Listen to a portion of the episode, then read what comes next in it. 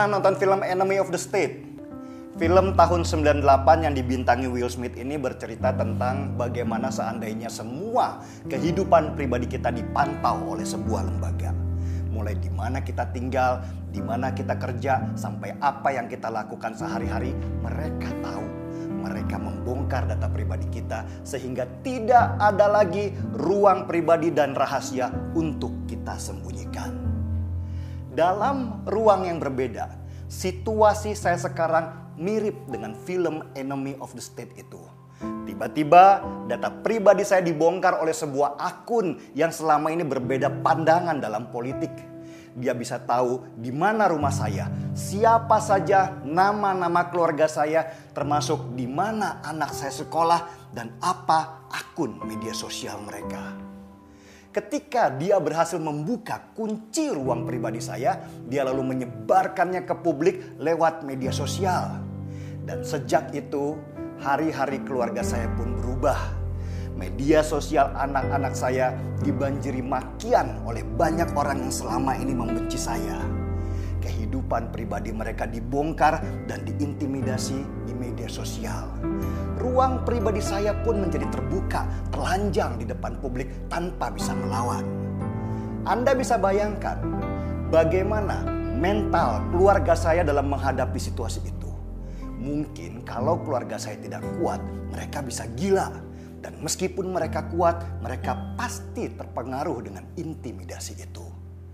Intimidasi itu belum selesai. Di mana keluarga saya tinggal pun dilacak. Alamat saya dibongkar dan mereka menggunakan Google Maps untuk memotret rumah saya dan mengirimkannya ke anak-anak sambil mengancam kalau mereka akan mendatangi rumah untuk membunuh anak-anak, membakar, bahkan ingin memenggal mereka karena dianggap sudah halal darahnya seperti papanya. Dan ini akan terus berlangsung selama mereka tahu di mana saya tinggal dan di mana anak-anak sekolah. Sehingga setiap kali ada perbedaan pendapat, mereka akan kembali menyebarkan data saya ke orang-orang yang membenci supaya terpicu untuk berbuat kekerasan kepada keluarga saya. Bagaimana kalau Anda yang berada pada posisi seperti saya? Nyawa pasangan Anda, anak-anak Anda, sampai orang tua Anda terancam hanya karena ada orang-orang yang tidak suka kepada Anda. Ini bukan main-main karena berhubungan dengan nyawa orang-orang yang Anda sayangi dan tidak berdosa. Pertanyaannya, sepintar apakah akun yang membongkar data pribadi saya itu? Apakah dia memang hacker yang bisa membobol data dari sebuah perusahaan provider besar seperti Telkomsel itu? Tidak, dia tidak pintar dan dia bukan hacker. Dia hanya punya jaringan orang dalam di provider yang membagi data saya ke dia untuk disebarkan ke publik. Dan dari data yang diberikan oleh orang dalam itu, akun itu kemudian mencari jejak saya berdasarkan nomor KTP dan kartu keluarga yang menjadi syarat waktu kita registrasi kartu supaya kartu tidak hangus. Dan dari sanalah semua informasi pribadi kita terbongkar habis. Pertanyaannya lagi, siapakah orang dalam yang dengan seenaknya membagikan data pribadi seseorang kepada orang lain untuk berbuat jahat? Ini pertanyaan yang sama di benak kita semua dan harus kita tanyakan bersama kepada provider yang memegang data-data pribadi kita. Dan di luar itu semua, saya bertanya kepada provider besar yang bernama Telkomsel, tempat saya menitipkan nomor KTP dan kartu keluarga saya waktu registrasi nomor.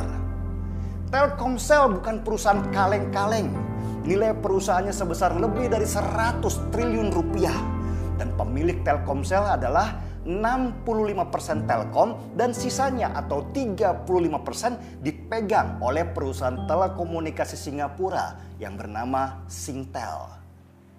Bahkan menurut Vice President Corporate Communication Telkomsel Denny Abidin, Telkomsel sudah mendapat sertifikasi ISO 27001 untuk keamanan informasi yang dalam artian untuk segi keamanan data pengguna itu seharusnya sudah sangat aman.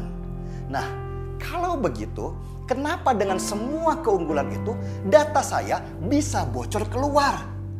Saya berhak curiga data pribadi saya yang diumbar ke publik itu dari Telkomsel karena di sana lengkap sekali informasi yang diberikan mulai dari nomor KTP saya, kartu keluarga saya sampai HP apa yang saya pakai dan kapan saya offline semua terpaparkan ke publik.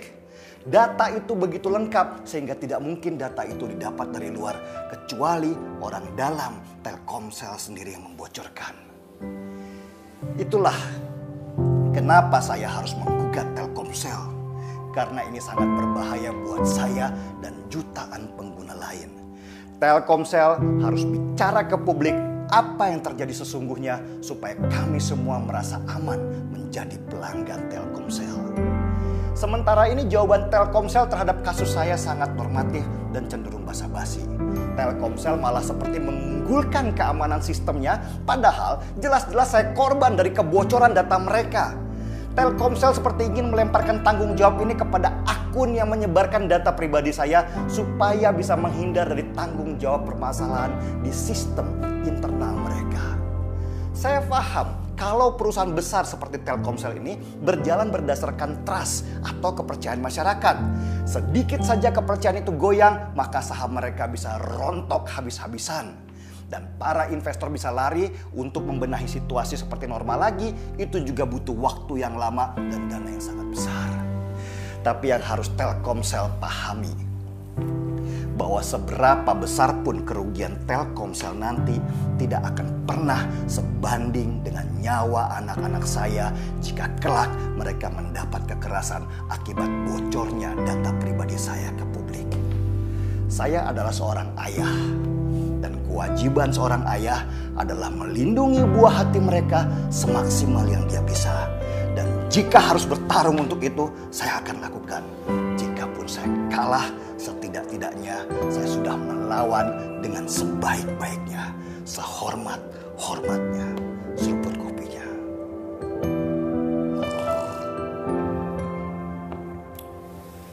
Saya Denny Seregar, kita di acara